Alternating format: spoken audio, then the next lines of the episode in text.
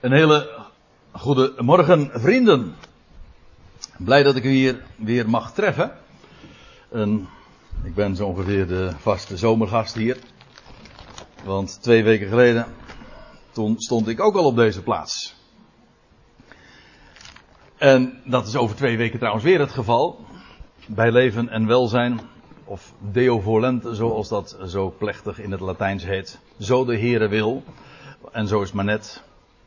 Want we hadden het eh, op weg hier naartoe nog eventjes over voorspellingen en verwachtingen van het weer. Nou, daar kun je dus al eh, heel weinig van op aan. Niets veranderlijker dan hm? het weer, maar er is één ding nog veranderlijker en dat is de voorspelling van het weer. Ja. Maar ik bedoel maar te zeggen van, ja, een mens kan plannen wat hij wil, maar wat zegt dat? De vorige keer, toen heb ik u meegenomen naar Efeze 3. En dat doe ik dit keer weer. En trouwens, over twee weken is dat opnieuw uh, de planning. En het overkoepelende thema is. Moet even.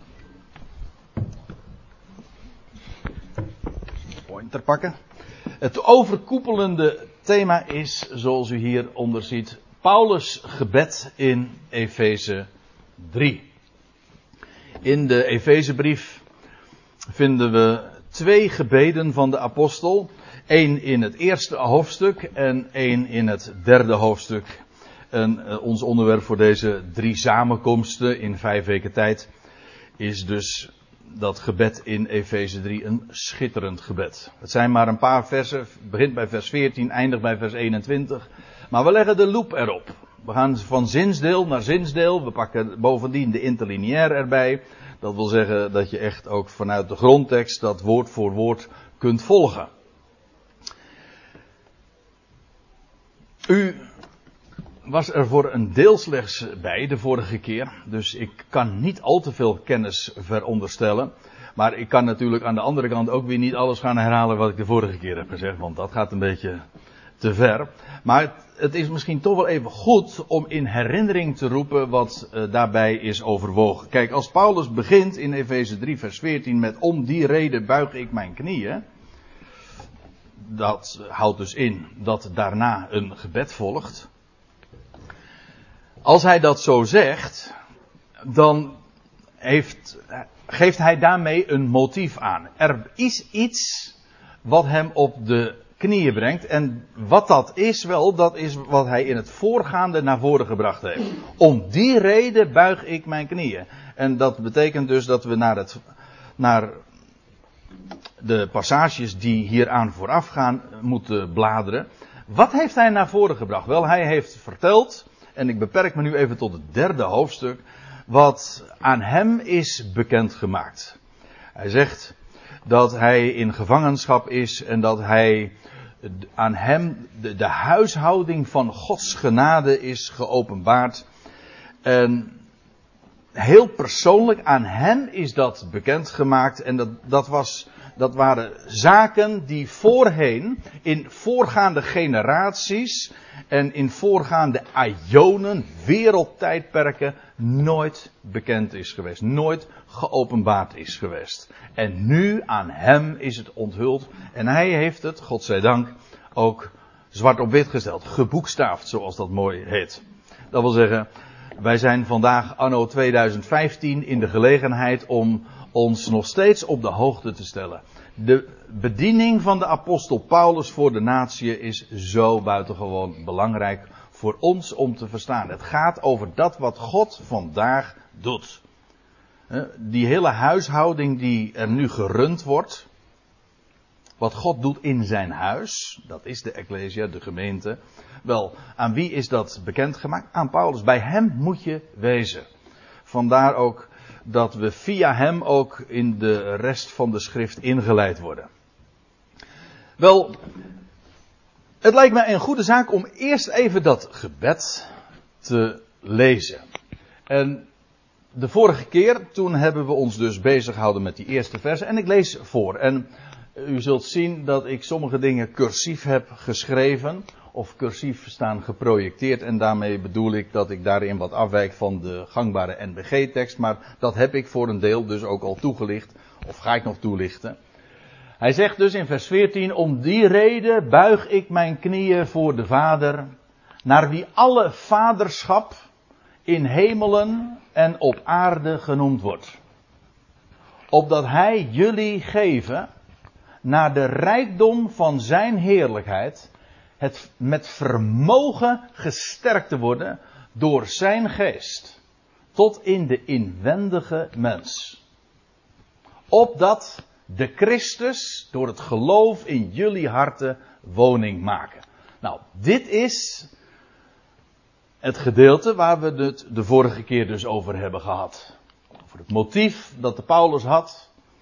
En over al die geweldige geheimenissen die aan hem eh, toevertrouwd waren. En dat bracht hem op de knieën. Voor de Vader. God die een Vader is en hij is het model. Hij is het origineel. Elk vaderschap dat we kennen in hemel of op aarde, dat is naar hem genoemd. Is naar hem of tot hem herleidbaar. Hij is God. Hij is bovendien een vader. God betekent degene die alles plaatst, degene die alles op zijn plek zet. En dat hij vader is, dat wil zeggen dat hij de bron is. Ja, maar dat niet alleen, hij zorgt er ook voor. Hij is ook verantwoordelijk voor, voor alles en voor de goede afloop. Hij is een vader. Van alles, in hemel en op aarde. Dat betekent ook dat hij de schepper is die een liefdevol hart heeft voor dat wat hij voortbrengt. Hij is niet alleen maar de grote afstandelijke schepper, of hij, ja, die onvoorstelbaar is en die ongezien is, maar hij is vader. Die God die we kennen is vader. En zoals Johannes dat zegt in zijn brief, die God is is in zijn essentie, al zijn motieven, heel zijn handelen, alles wat hij doet en laat en zegt en spreekt en belooft en vervult, dat is gekarakteriseerd door liefde. Als je dat niet ziet, dan ontgaat je kennelijk iets. Dat kan niet anders. Sterker, dan ontgaat je het belangrijkste. Paulus zegt elders, als je dat niet kent, dan ben je een schallend koper. Dan maak je misschien wel een hoop lawaai. Ik ben heel vroom, misschien zelfs godsdienstig. Maar je bent niets. Zonder die agape, die onvoorwaardelijke liefde van God. En wel die vader, voor wie hij dus neerbuigt, die, hij, Paulus' gebed is dat hij geeft naar de in overeenstemming met de enorme rijkdom van zijn heerlijkheid, om met vermogen gesterkt te worden. En dat is door zijn geest. Dat wil zeggen ook door zijn woord. Maar woord is ook geest. Ook daar hebben we het de vorige keer over gehad. En bovendien, die, die sterkte waarmee hij ons bekrachtigt, dat is niet de uitwendige mens.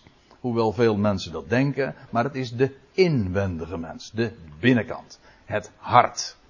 Dat dat consequenties heeft en dat dat erg goed is voor de body en voor de uitwendige mens. Dat mag waar zijn. Maar het gaat om met kracht gesterkt te worden, met vermogen gesterkt te worden in de inwendige mens. En waarom? Opdat de Christus, en ik heb er de vorige keer ook op gewezen, en ik doe dat dan bij deze alsnog een keer. De Christus, dat is die term die verband houdt, niet alleen maar met Christus Jezus die daarboven is, maar de Christus, dat is hoofd en lichaam tezamen. Het voert te ver om dat nu nog aan te tonen. Of dat ik de vorige keer daar wel wat over verteld heb. Maar de Christus is dus niet alleen maar Christus Jezus het hoofd. Nee, de Christus, dat is het geheel. Hij is, zegt 1, uh, Efeze 1 vers 23, zelfs incompleet. Zonder de Ecclesia. Efeze 1 vers 23, de, daar staat dat hij dat aan hem de Ecclesia is gegeven, die zijn lichaam is, de completering, letterlijk staat dat, de completering van hem. De Ecclesia maakt hem compleet. Dat wil zeggen, zonder, zoals u, zoals uw hoofd uh, niet compleet is zonder lichaam, zo is Christus Jezus niet compleet zonder de Ecclesia. Dat staat er. En de Christus is dus niet alleen het hoofd, het is hoofd en lichaam tezamen. Wel dat we dat gaan verstaan en dat dat door het geloof, dat wil zeggen door het aanvaarden wat God daarover te melden heeft, met name, of in dit geval zelfs uitsluitend via de apostel Paulus, want aan hem zijn deze dingen geopenbaard, opdat de Christus door het geloof in jullie harten woning maken. Dus die waarheid staat toch wel. En als je gelooft, dan is dat uh, geregeld. Maar het gaat erom dat dat ook in onze harten woning gaat maken. Dat onze harten daardoor vervuld worden. En nou gaan we even verder. En dat is nog het zeventiende vers. Dan begint een nieuwe zin feitelijk. Geworteld en gegrond in liefde. Dat is het gedeelte waar we ons vanmorgen mee bezighouden. Geworteld en gegrond in liefde. Zullen jullie dan samen met al de heiligen in staat zijn te vatten. Wat de breedte en lengte en hoogte en diepte is. Bovendien te kennen de liefde van de Christus, die de kennis te overtreft, opdat jullie vervuld worden tot in al de volheid van de God. Dit zijn de regels waar we straks wat meer ons mee zullen bezighouden. En dan lees ik ook nog eventjes om het compleet te maken, het hele gebed wat we de volgende keer dan zullen gaan behandelen, dat begint dan in vers 20. Dat is de afsluiting van het gebed. Hem nu, die naar de kracht die inwerkt in ons, bij machten is, overdadig meer te doen, boven alles wat wij bidden of verstaan. Hem zij de heerlijkheid in de Ecclesia en in Christus Jezus, tot in al de generaties van de Aion der Aionen. Amen. Dat is het gebed van Paulus hier in dit hoofdstuk. En, en zelfs als je veel dingen ontgaat zo bij eerste lezing, dan heb je toch in elk geval wel in de gaten dat je hier heilige grond betreedt. Dat wat hier staat zo enorm hoog is. En breed en lang en diep. Zo onvoorstelbaar groot. En het gebed dat Paulus bidt, dat brengt ons inderdaad wel op grote hoogte. Hij stelt ons op de hoogte. Vind ik altijd een mooie term. Hij stelt ons op de hoogte. Dat wil zeggen, hij informeert ons. Dat is wat toch op de hoogte stellen is. Maar het is nog veel mooier. Hij stelt ons op de hoogte. Hij zet ons op een hoge plaats. Wat zeg ik? De hoogste plaats. Met een geweldig uitzicht en overzicht. Wel, dat is echt op de hoogte brengen. Dat is ook meer dan informeren. Dat transformeert ons. Dat is wat Gods woord doet. Dat is niet alleen maar informeren, het transformeert ons. Het verandert ons van binnenuit. Dat wil zeggen, ons denken wordt anders. En van daaruit ook uh, het geheel. De mens is uiteindelijk niet dat wat je ziet, is maar de buitenkant. De mens is wat die, wat je niet ziet, het hart. Dat wil zeggen de binnenkant. Dat wat je denkt. Wie u bent, dat zie ik niet. En wie ik ben, dat ziet u ook niet. Maar dat wat erin zit, waar, waar je, wat je motieven zijn, je gedachten, je verlangens, waar je naar uitziet, je liefde. Kortom, dat wat jou bezighoudt, dat is wat een mens werkelijk is. Toch? Wel, die inwendige mens, daar ging het om. Wel, ik stel voor dat we dan maar eens de daad bij het woord voegen en ons bezig gaan houden met, die, met dat tweede gedeelte. En ik haak nu aan bij dat zinnetje waar ik de vorige keer mee geëindigd ben, omdat het eigenlijk nog bij vers 17 hoort. Maar ik betrek het er nu bij, omdat dat namelijk de aanloop is voor vers 18. Dat kun je er niet los van zien. Paulus zegt, geworteld en gegrond in de liefde. Of in liefde. Geworteld zijn, dat is uiteraard een beeld dat uh, het, de gedachte oproept van een plant of een boom. Die is geworteld, die staat op één plaats. Dat is ook heel erg belangrijk, want beide beelden, geworteld en gegrond, hebben te maken, of roepen in ieder geval de gedachte op van één plaats. Het staat vast. Mensen zijn heel vaak in de weer voor beweging. Emotie, hè, emotie, en dat is eh, het een en het al. Maar weet u waar het werkelijk om gaat? Is dat je gefundeerd en geworteld bent. Geworteld wil zeggen, je, ont, je staat op één plaats, dat is één ding. Een boom is geworteld, die onttrekt ook al zijn voeding aan dat waar die zich in bevindt. Aan de grond. Wel, hier gaat het over, wat is die grond? Wat is, waarin slaan wij onze wortels uit? Wel, in liefde. Hier heb je weer dat woordje agape. Dat is een van de sleutelwoorden ook in dit gedeelte. Begint ermee, het eindigt ermee. Liefde. Waarbij ik er op wijs, dat woordje liefde, dat is zo belangrijk. Liefde, dat is maar niet zomaar zoals wij dat opvatten, een bepaalde aantrekkingskracht. Sowieso, ja, dat kan lichamelijke aantrekkingskracht zijn. Daar heeft het Grieks ook een speciaal woord, woord voor dat wij allemaal kennen, eros. Er kan ook een meer uh, ja, mentale of emotionele aantrekkingskracht zijn. Dat is dan uh, filio. Ergens je toe aangetrokken voelen.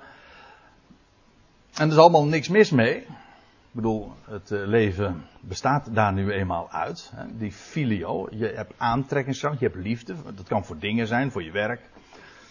Of voor vakantie. Voor andere leuke, mooie dingen. Voor mensen die je mag. De ene mag je wel en de ander mag je niet. Dat zijn, maar dat is filio. Maar liefde overstijgt dat verre. Dat roept ook de, meteen de associatie op met God zelf. Want ho, hoezo dan wel? Wel, God heeft lief. En dat is onvoorwaardelijk. Die liefde kun je niet verdienen door goed te doen. Die liefde kun je ook niet kwijtraken door slecht te doen. Die liefde is namelijk gegrond in het feit dat we van Hem zijn. Werk van Zijn handen. God heeft elk schepsel lief. Waarom? Het is Zijn schepping. Hij is de vader daarvan. De vorige keer heb ik nog gewezen op die tekst in, in, in Malachi 2 of 3. Daar ben ik, blijf ik even vanaf. Maar er staat heeft niet één God ons geschapen? Is niet één ons aller vader? Dat wil zeggen, hij heeft ons lief. We zijn werk van zijn handen. En de liefde Gods heeft daarmee te maken. Hij kent elk mens, elk schepsel. Hij heeft daar een plan mee. En die liefde, en dat is zo belangrijk om dat te gaan verstaan. Als je daar je wortels in uitslaat, in die liefde, dat is een onuitputtelijke bron. En bovendien ook onvoorwaardelijk. Als je zo ook in die liefde geworteld bent, zo ook in het leven staat en zo ook naar de ander kijkt, dan zie je allemaal geliefde mensen. Dat, ziet u dat dat helemaal niks te maken heeft met sympathie? Of met uh, iemand mogen? Dat staat er volstrekt los van. Liefde in de Ecclesia heeft ook daar niets mee te maken. Ik bedoel, agape. Nee, dat heeft ermee te maken. Je bent geliefd.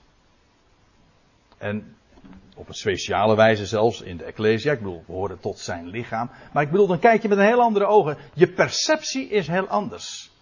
Je ziet dus anders.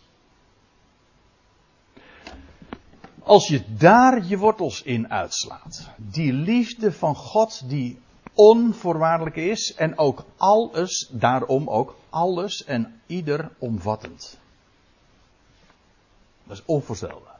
Wel, geworteld zijnde, als een boom, gefundeerd zijnde, zoals een gebouw, een kasteel, die is gefundeerd, staat vast, wijkt niet van zijn plaats, dat is zo belangrijk. En dat kan alleen als je die liefde Gods kent.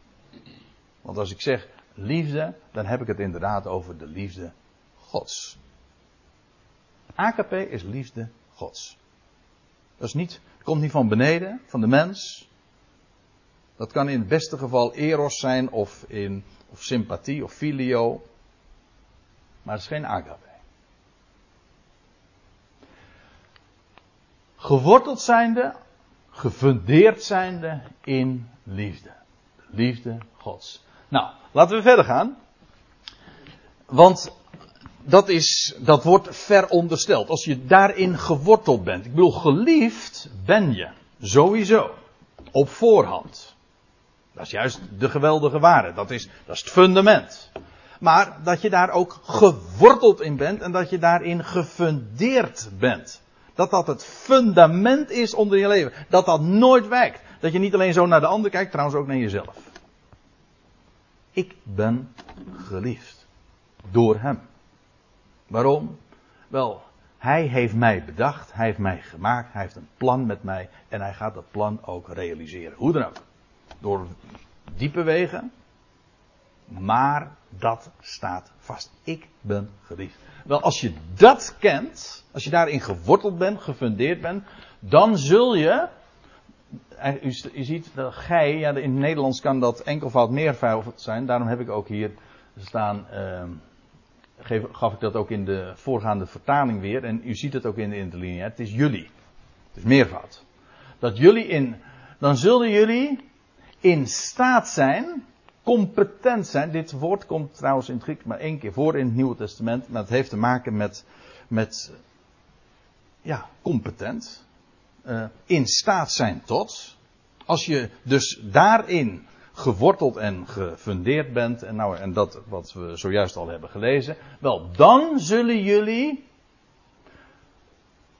in staat zijn te vatten.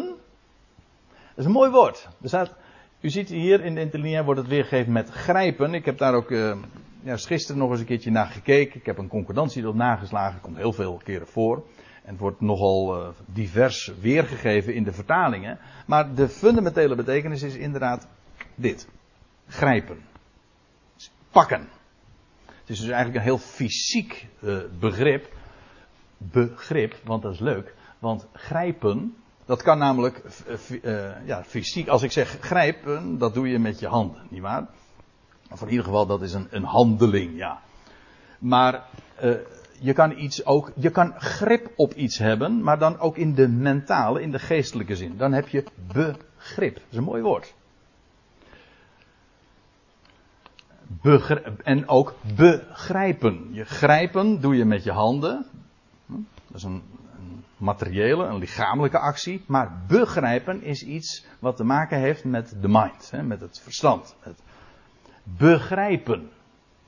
En, en wat Paulus zegt is, als je dan geworteld, gefundeerd bent in die liefde, dan zullen jullie gaan begrijpen, grijpen, grip krijgen op, maar dan hiermee begrijpen hij zegt er nog iets bij. Samen met alle heiligen. Letterlijk samen met al de heiligen. Waarbij je moet rekenen. Dat zegt hij niet zomaar. Juist voor de, voordat ik uh, de samenkomst begon had ik met Boy hier nog even een gesprekje over. Over, de, over deze uitdrukking. Samen met alle heiligen. En toen ging het even over het belang van elkaar. Dat het maar niet zomaar een select gezelschap is waarmee je dat, uh, die ontdekkingstocht doet. Nee, het is samen met al de heiligen. Niet alleen maar de oudere, uh, verstandige, hoe was het ook weer, broeders, hè? Weet je wel, zo, zulke, of wat voor doorgaat. Nee, al de heiligen. En de, de logica is deze. U moet zich realiseren, dit is een gebed dat we nu in drie samenkomsten bespreken. Maar het staat dus in die Efezebrief. Paulus had al zoveel daaraan vooraf laten gaan. de waarheid is, wij zijn, wij, ik bedoel wij die mogen geloven, wij die hem kennen als Heer, opgestaan uit de doden, wij zijn tot in één lichaam gedoopt. Dat is geen uh, handel, dat is trouwens ook geen handelingen met met water. Nee, dat is in één geest. Tot in één lichaam gedoopt. Dat is iets wat hij doet. Dat betekent dus, en ik borduur nu even ook voort op wat ik zojuist al zei. We vormen een eenheid. Hij daar, wij nog hier, jawel. Maar wij worden daar gerekend. Ons leven is met Christus verborgen in God. Die waarheid is hoofd en lichaam. één geheel. Wij horen bij elkaar. We hebben ook, Paulus had dat in uh, het voorgaande van dit hoofdstuk ook al gezegd. Juist dat was dat geheim, die verborgenheid die aan hem ook bekendgemaakt was. Dat wij in Christus ook ingelijfd zijn. Medeleden en mede lotsdeelbezitter, medegenoten van de belofte in Christus Jezus. Dat zijn hele hoogdravende woorden, letterlijk en figuurlijk, maar het is zo onvoorstelbaar, zo groot. Maar dat betekent, die waarheden waar Paulus aandacht voor vraagt, die hij hier optekent, die zijn het deel van al de heiligen. Logischerwijs dat als je ze wilt begrijpen, dat je dat dan ook doet samen met al de heiligen. Heiligen, uh, dat betekent uiteraard, uh, ook dat is geen uh, menselijke handeling. Hoef je niet te wachten op die man in Rome die jou zo, zo verklaart. Nee, heiligen, dat is gewoon het Bijbelse woord voor apart stellen. Op het moment dat je hem kent, ben je apart gezet. Ben je een aparteling dus. Aangenaam. Hm?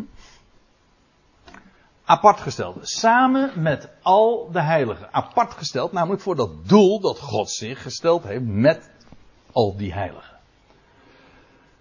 Dan zullen jullie samen met al de heiligen in staat zijn te grijpen, te begrijpen. En nou komt het. Hoe groot, of eigenlijk staat er, u ziet het, wat? De breedte, lengte, hoogte en diepte is. Een hele merkwaardige opsomming op zich. Eh, tenminste, je, kunt er een hele filosofie eh, aan, aan vast doen, gaan we aan koppelen. doen wij vanmorgen lekker niet. Hoe dat zit met die dimensies. Want je hebt lengte, we hadden het er voor de, voor de afgaand aan de dienst ook al even over. Hè, want je hebt lengte. Hm? Nee, laat ik zo zeggen. Je hebt de lengte en je hebt de breedte. Die staan haaks op elkaar. Maar je hebt de hoogte en de diepte, die staan niet haaks op elkaar. Die liggen in elkaars verlengde. Nou, eigenaardig. Nou zit ik toch weer een beetje te filosoferen. Laat ik het, laten we het simpel houden. Kijk, lengte en breedte. En je hebt, dat is de ene tegenstelling. En je hebt hoogte en diepte. Hoogte en laag, maar hoogte en diepte. En waar doelt Paulus hierop? En het eigenaardige is, het staat er niet eens zo expliciet bij. Wat die breedte, wat de breedte, lengte, hoogte en diepte is. Het staat er niet bij.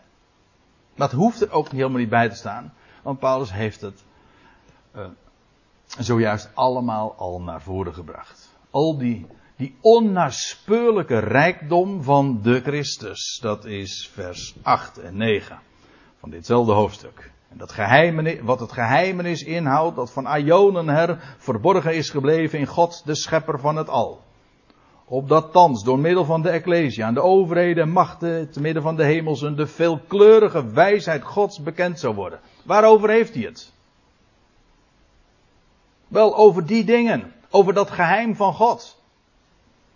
Dat is helemaal niet moeilijk. Waarbij je natuurlijk wel de vraag zou kunnen stellen: van, ja, waar doelt dan dat breedte en lengte en hoogte en diepte op? En het mooie is, ook hierin komt de schrift ons tegemoet.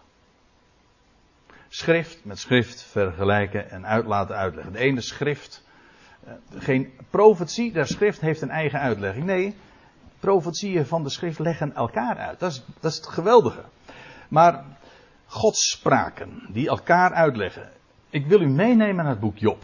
En daar vind je die beide, of die alle vier de begrippen moet ik zeggen, ook weer opgezond. En let op het verband. Ik neem u mee naar Job 11. En daar staat dit.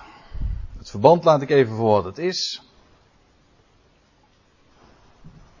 De teksten op zich zijn duidelijk. En daar wordt de vraag gesteld: kun jij de geheimen van God doorgronden, de Almachtige doorgronden ten einde toe. Dus uiteraard, dat zijn, dat zijn his, uh, retorische vragen. Geen mens die dat kan. Je kunt de geheimen van God niet doorgronden. Ja, tenzij hij die geheimen bekend maakt. dan, of je ze dan kan doorgronden ten einde toe. Nee, dat niet. Maar in ieder geval, dan kun je er grip op krijgen. Dan, kun je weet, dan weet je waar het over gaat. Waar zo, waartoe zou anders een geheim geopenbaard worden? God heeft geheimenissen. Maar hij heeft ook geheimenissen geopenbaard. Nou, het is precies waar we het nu ook over hebben. Maar nu, let nu eens op wat er dan vervolgens staat. Er wordt gesproken over die geheimen Gods. Zij zijn hoog als de hemel. Wat kunt ge doen? Dieper dan het dodenrijk. Wat kunt ge weten? Langer dan de aarde is hun maat. En breder zijn zij dan de zee. Trouwens hier in precies de tegenovergestelde volgorde als waar ze in Efeze 3 genoemd worden. De, de diverse dimensies. Maar de vergelijkingen zijn heel veelzeggend. Maar sowieso al schitterend het verband waarin Job dit zo zegt. En de connectie die is te leggen met de woorden in Efeze 3. Waar heeft Paulus het over? Wel over de geheimenissen Gods. En Job zegt nog, ja, of uh, wie is het die deze uitspraak doet, weet ik even niet uit, zo uit mijn hoofd. Want uh, er zijn natuurlijk heel wat uh, toespraken van Zohar en Elihu en hoe heet het allemaal. In elk geval, hier worden vragen gesteld. En het antwoord is, nee, die geheimen kun je niet doorgronden. Ja, tenzij ze geopenbaard worden. Maar dat is nu juist wat in Efeze 3 gebeurt. Geheimen Gods worden geopenbaard. Worden ge opgetekend. Verteld wat het is. En waarom is het zo bijzonder? Wel omdat hier gesproken wordt over de breedte en de lengte, de hoogte en de diepte. Precies de dimensies ook van die we aantreffen in Efeze 3. Maar dan ook nog dit, die worden gelinkt, die dimensies, aan, ja, aan hele bekende begrippen. Ook heel logisch. Breder, laten we ons daar eens Laten we eerst daar eens naartoe gaan. Er staat hoe groot de breedte en lengte en hoogte en diepte is. Eerst die, die breedte. Dat was het eerste wat Paulus hier noemt. En waarmee wordt dat vergeleken? Nou, koppel weer even terug naar Job 9, Job 11, sorry. Breder dan de zee. We hebben daar, uh, er zijn ook mooie kinderliedjes van. Of in ieder geval eentje ken ik er, nog erg goed uit mijn hoofd. Ik vind hem altijd erg mooi. Het is niet helemaal één op één daarmee uh, met, uh, vergelijkbaar met Efeze 3, maar het scheelt niet veel. Hoog, hoog, hoog als de lucht. Diep, diep, diep als, ja, dan is diep, diep, diep als de zee. En wijd, wijd, wijd als het waterblauw. Is Jezus liefde voor jou. En dan gaat hij nog iets verder. En mij. Ja, maar, ja, maar oké, voor jou en mij, maar dat vind ik niet breed genoeg. niet wijd genoeg. Nee, want het punt is juist, het is breed als de zee. En dan moet je nog iets weten, dat de zee in de Bijbel een beeld is van de volkerenwereld. Ja. In openbaring 17 staat het letterlijk zelfs zo, de wateren, de zeeën worden daar vergeleken. Eh, die, dat zijn een beeld, ze zijn een type van de volkerenwereld. En uh, als ik me niet vergis, in Psalm 2 wordt ook datzelfde, diezelfde associatie gemaakt. Dus de, de woelige zee. Boy zei zojuist al iets daarover in zijn gebed. Over alles wat er in de wereld speelt. Alles wat er woelt. En de golven. En de enorme chaos in de volkerenwereld. Oké, maar dat is de negatieve variant. Maar de zee zo wijd. Wel, hoe breed zijn die geheimenissen Gods? Hoe breed is ook de liefde Gods? Want je kunt het eh, betrekken op al die dimensies hier, op de geheimenissen Gods, op de plannen Gods, op de veelkleurige wijsheid Gods. Maar je kunt het natuurlijk net zo goed betrekken op de liefde Gods. En ik ben blij dat ik helemaal geen keuze hoef te maken, want het is namelijk allemaal waar uiteindelijk kom je toch bij hetzelfde uit. Het is zo breed. Nou, wat ik zojuist al even zei. Over als je geworteld bent en gegrond bent in de liefde. Wat, wat, ga, je dan, wat ga je dan verstaan? Samen met al die heiligen aan wie dat ook is bekendgemaakt. Dan gaat één ding heel duidelijk worden. Hoe breed dat alles is. Hoe alles omspannend het is. Inderdaad, wijd, wijd, wijd als het waterblauw. Je kunt dat, je kunt dat gewoon, ja, ik zei zojuist, grijpen. Hè. Je, je, als je zulke dimensies noemt, hoog, diep, breed, lang, dan, dan, dan kun je dat haast niet uh, zonder je handen daarvoor te gebruiken. Je, je, je, pakt het als het ware vast. Je, moet, je kan het zo aanwijzen. Hè. Het is zo breed. Ja. Breed, het is alles omvattend. Dat is de liefde Gods. Niets en niemand valt daar buiten, lieve mensen. En dat vind ik zo geweldig. Als je geworteld en gegrond bent in die liefde, dan ga je verstaan hoe breed dat alles is.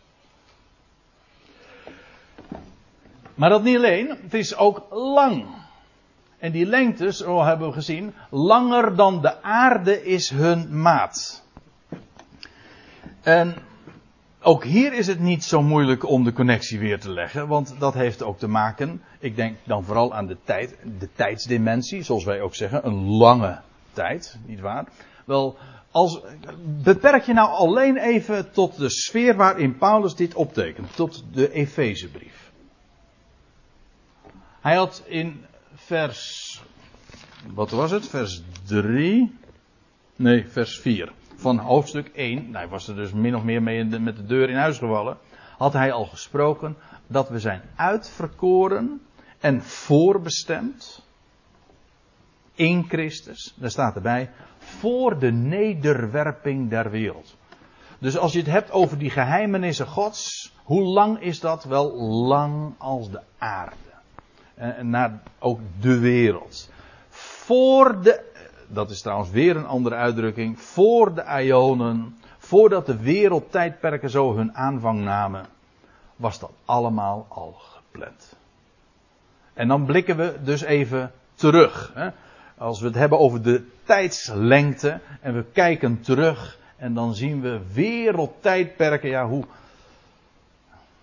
hoe, ver kan dat gaan? En dan er zijn aionen wereldtijdperken aan de onze al vooraf gegaan. En dan nog daarvoor. Voor de aionen was dat, staat er in 1 Korinthe 2 vers 7, voorbeschikt. Gelooft u in voorbeschikking? In predestinatie? Voorbestemming? Ik zeg jazeker, want de schrift spreekt er gewoon over. Ik vind het geweldig. God heeft een plan. Hij, hij doet maar niet zomaar willekeurig uh, iets het is ook niet ad hoc zo van reageren op wat er dan plaatsvindt. Of hoe afwachten nou maar hoe de mens reageert. Komt nou toch. God is God. En hij heeft een plan. En voor de Ionen was al lang geregeld. Toen was ik al uitgekomen. Dat heeft dus niks te maken met wat evangelische mensen u graag willen laten geloven met uw keuze. Dat is niet waar. Het heeft te maken met het feit dat hij ons voorbestemd, gekend heeft, gekozen heeft. En dat is geweldig. En dat is dus, ja, dan, dan, ga je, dan krijg je zo'n groot God. En dan kijken we dus even terug, hè, die hele tijdslengte, als je dan terugkijkt, voor de Ion, maar ook nog, de, ja, je zou eh, alleen al aan de hand van deze, dit kleine briefje van de Efezebrief zou je een schitterende studie kunnen houden over de Ionen, want er wordt gesproken ook over de tegenwoordige Ion de ionen die vooraf gegaan zijn. Er wordt gesproken over de komende ionen. En in het laatste vers van ditzelfde gebed wordt er ook nog gesproken. Ja, in de vertaling is compleet uh, wegvertaald. Maar daar ga ik de volgende keer nog over spreken. Er wordt gezegd van van eeuwigheid tot eeuwigheid. Nou, dat staat er echt niet hoor. Er staat gewoon de ion, de ion, der ionen. Dat wil zeggen de overtreffende ion waarmee alles afgesloten zal worden. En de voleinding der ion. Nou, uh, hoe dan ook, u realiseert zich, hier worden we bepaald bij zulke tijdslengtes.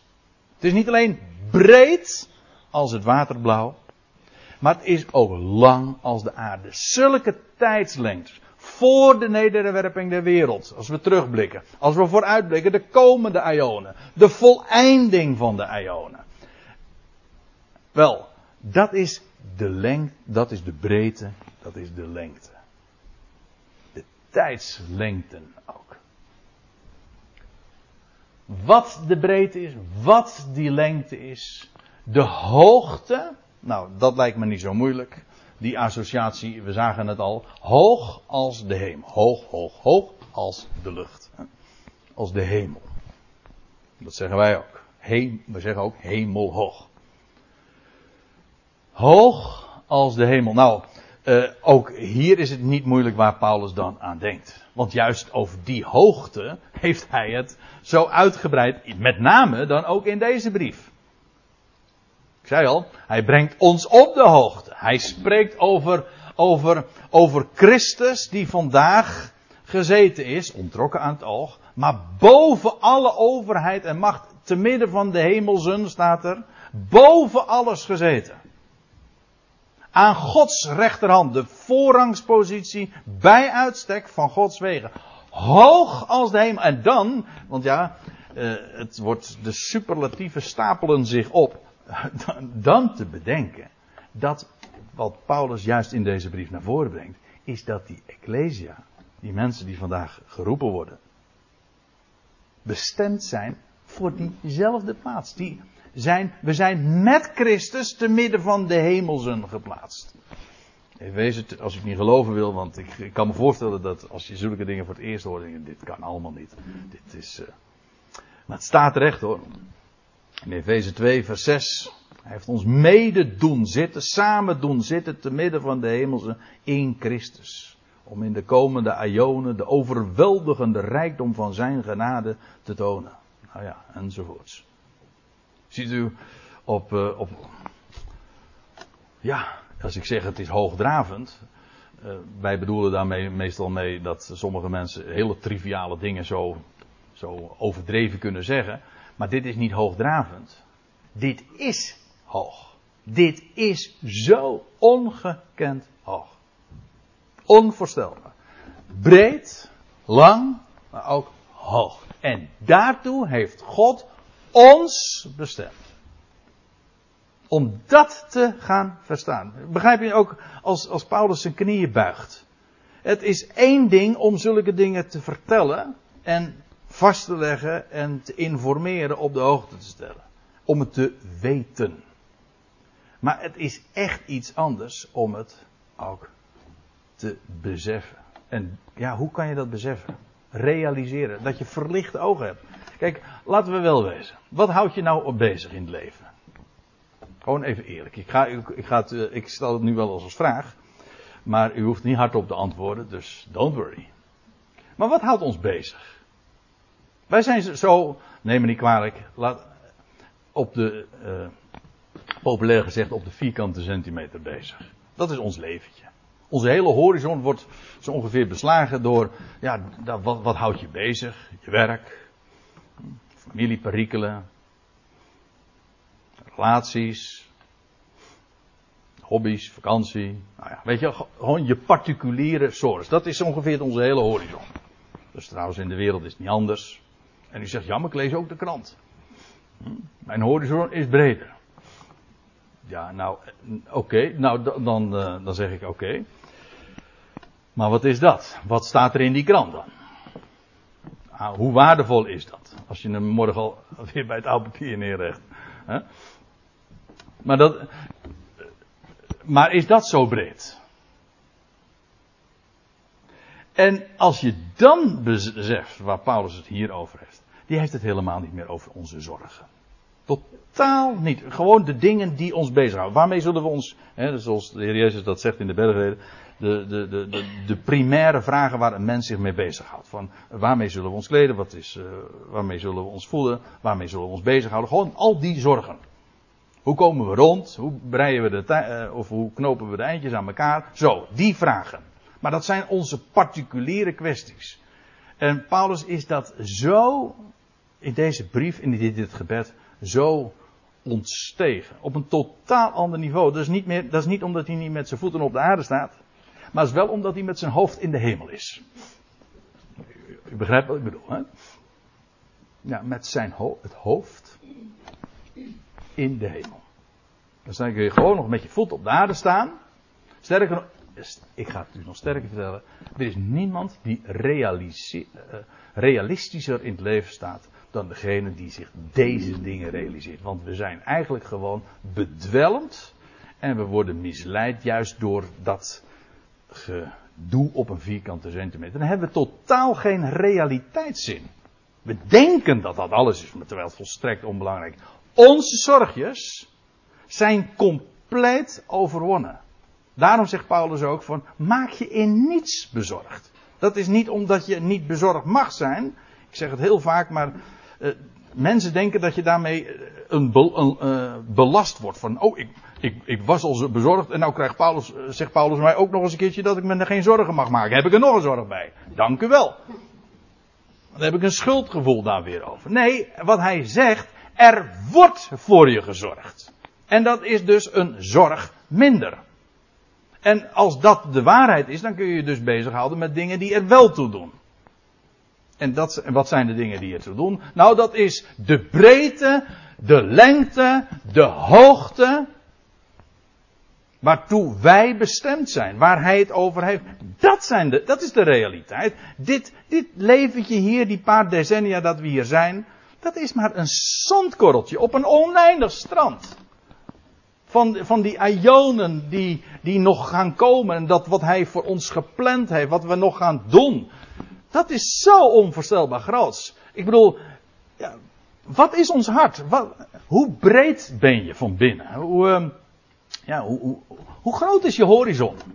En op het moment dat je hier aan hebt mogen ruiken, dit gaat verstaan, als dit kwartje gaat vallen, ja, dan komt er een zo'n oneindige ruimte in, in je hart word je verlicht. Dan komt er iets en dan krijg je ineens, dan, dan staren je ogen naar de heel andere dingen. Breedte, de lengte, de hoogte. Nou, Paulus heeft daar zoveel over. En dan zegt hij tenslotte ook nog de diepte. Dat is ook ongekend diep. En waar dat mee te maken heeft, nou dat, we hebben het al gezien in Job 11. Daar zagen we, daar werd de link geweest, dieper dan het dodenrijk. Ook dat zijn trouwens associaties die hij Paulus hier in uh, ook maakt. In vers 9 en 10 van het volgende hoofdstuk zegt hij ook opgevaren naar de hemel, maar hij is ook nedergedaald naar de lagere aardse gewesten. Nedergedaald tot de dood. Ja. Er staat in uh, Filippenzen 2, hij heeft zich vernederd tot de dood. Ja, tot de dood van het kruis. Als we het hebben over de diepten, dan denken we daarbij aan de diepste diepten. Niet alleen maar aan de dood, ja, aan de dood van het kruis. Alles wat God realiseert, en die breedte en die lengte en die hoogte, dat is door die diepte heen gegaan. En feitelijk geldt dat ook ons, want in Efeze 1, 2 vers 1 staat dat ook. Hè? Ook u, hoewel gij dood waart. Dat wil zeggen, allemaal zijn wij ook als mensen gewoon naar aardse maatstaven lopen we met de dood in onze schoenen. We zijn stervelingen. En God heeft stervelingen tot uit die diepte omhoog gevoerd tot de hoogste hoogte. Uit de diepste diepte tot de grootste hoogte. Zegt dat trouwens ook niet enorm veel over die liefde Gods? Hoeveel, hoeveel houdt God van ons? Dat zie je aan het kruis van Golgotha. Zelfs als de wereld zijn zoon aan het kruis laat, dan zegt God nog: Ik hou van je. Sterker nog, ik ga door degene die jullie nu vermoord hebben, ga ik jullie allemaal zegenen. Die liefde is niet kapot te krijgen, dat is liefde Gods. Daarom kon dat ook niet zonder die diepte. Je kunt alleen maar liefde begrijpen als je ook weet van leed. Zonder dat kan het bewijs ook van liefde niet geleverd worden. Nou ja, u, voelt wel hoe, of wat de breedte en de lengte, de hoogte en de diepte is. Ik, ik wil nog even verder gaan, want ik wil dat vers 19 er ook bij betrekken. En te kennen de liefde van Christus. Kijk, of letterlijk bovendien ook te kennen de liefde. De liefde. En dat vind ik mooi. Ik, ik wees er zojuist al even op. Het begon met liefde, geworteld en gegrond in liefde. En nu eindigt hij er ook weer mee. Hij heeft gesproken over die dimensies. En nu zegt hij, en bovendien ook te kennen de liefde. Die we juist ook kennen door die diepte. Ik zei het zojuist al. De liefde van Christus. Of eigenlijk van de Christus. Ook hier heeft het weer te maken met hoofd en lichaam. Die uitdrukking de liefde van Christus. Ik heb er nog niet zo lang geleden elders over gesproken. Schitterende passage in Romeinen 8. Daar, wordt, daar zegt Paulus, of daar schrijft hij over de liefde Gods. Welke is in Christus Jezus. Hoe kennen wij die liefde van God? Hoe weten wij dat? Daarvan, maar bovendien ook, waarin is het bewijs geleverd van zijn liefde? Hoe ver gaat dat? Hoe diep gaat dat? Wel, dat zien we in Christus Jezus. En het is die liefde waarvan Paulus ook zegt in 2 Korinthe 5, die, de liefde van Christus dringt ons. Van binnenuit, als je die liefde hebt verstaan. En te kennen bovendien de liefde van de Christus. En, er staat er nog bij, dat is eigenaardig, die de kennis te boven gaat. Die de kennis overtreft. Het gaat er overheen. Je kunt het kennen en tegelijkertijd kun je het niet kennen. Laat ik het, uh, laat ik het zo vergelijken. En die vergelijking die heb ik niet zelf bedacht, maar ik las hem en ik dacht, ja, dat is precies wat het is. Je gaat met een, uh, een emmertje naar de zee. En met dat emmertje kun je, hè, daar kun je, je, je kunt het emmertje vullen met de zee. Dan heb je de zee in dat emmertje dus. Maar u begrijpt, je hebt niet echt de zee in het emmertje. Hm? Dat gaat nu eenmaal niet. Je kunt het, je kunt het vatten, je kunt er vol van zijn, je kunt het kennen, maar je kunt het, het overtreft de kennis. Wat gaat er nou in ons? Daarom zegt hij ook te kennen die liefde, maar het overtreft uiteraard de kennis. Het valt nooit te omvatten. Dat is het de gedachte. Je kunt wel vatten, maar nooit omvatten opdat gij, en het lijkt wel alsof je, of het steeds hoger wordt. Of het, want het is, uh, ja, ik had het zojuist over superlatieven, je, dat ene, dat overtreft nog weer het ander. Maar je komt op zulke ja, grote hoogte, maar zulke onvoorstelbare dingen. Dan zegt hij, opdat jullie vervuld worden, opdat jullie vervuld zullen worden tot in, tot al of tot in al de volheid van de God. De God. Die ene. De God. En hij spreekt over vervuld daarmee worden. En tot in al de volheid van God. Maar als je het hebt over de volheid van God. Ook, dat zijn ook weer zulke dit, dit zijn allemaal van die begrippen. Als je, als je gaat stilstaan bij die dimensies, de breedte, de onvoorstelbare lengte, onvoorstelbare hoogte en, evenmin, en eveneens die ongekende diepte, dan gaat het je duizelen. Kent u die ervaring als je bijvoorbeeld, uh, je, je, bent in de bergen en dan sta je op een, op een plateau en dan heb je een geweldig uitzicht.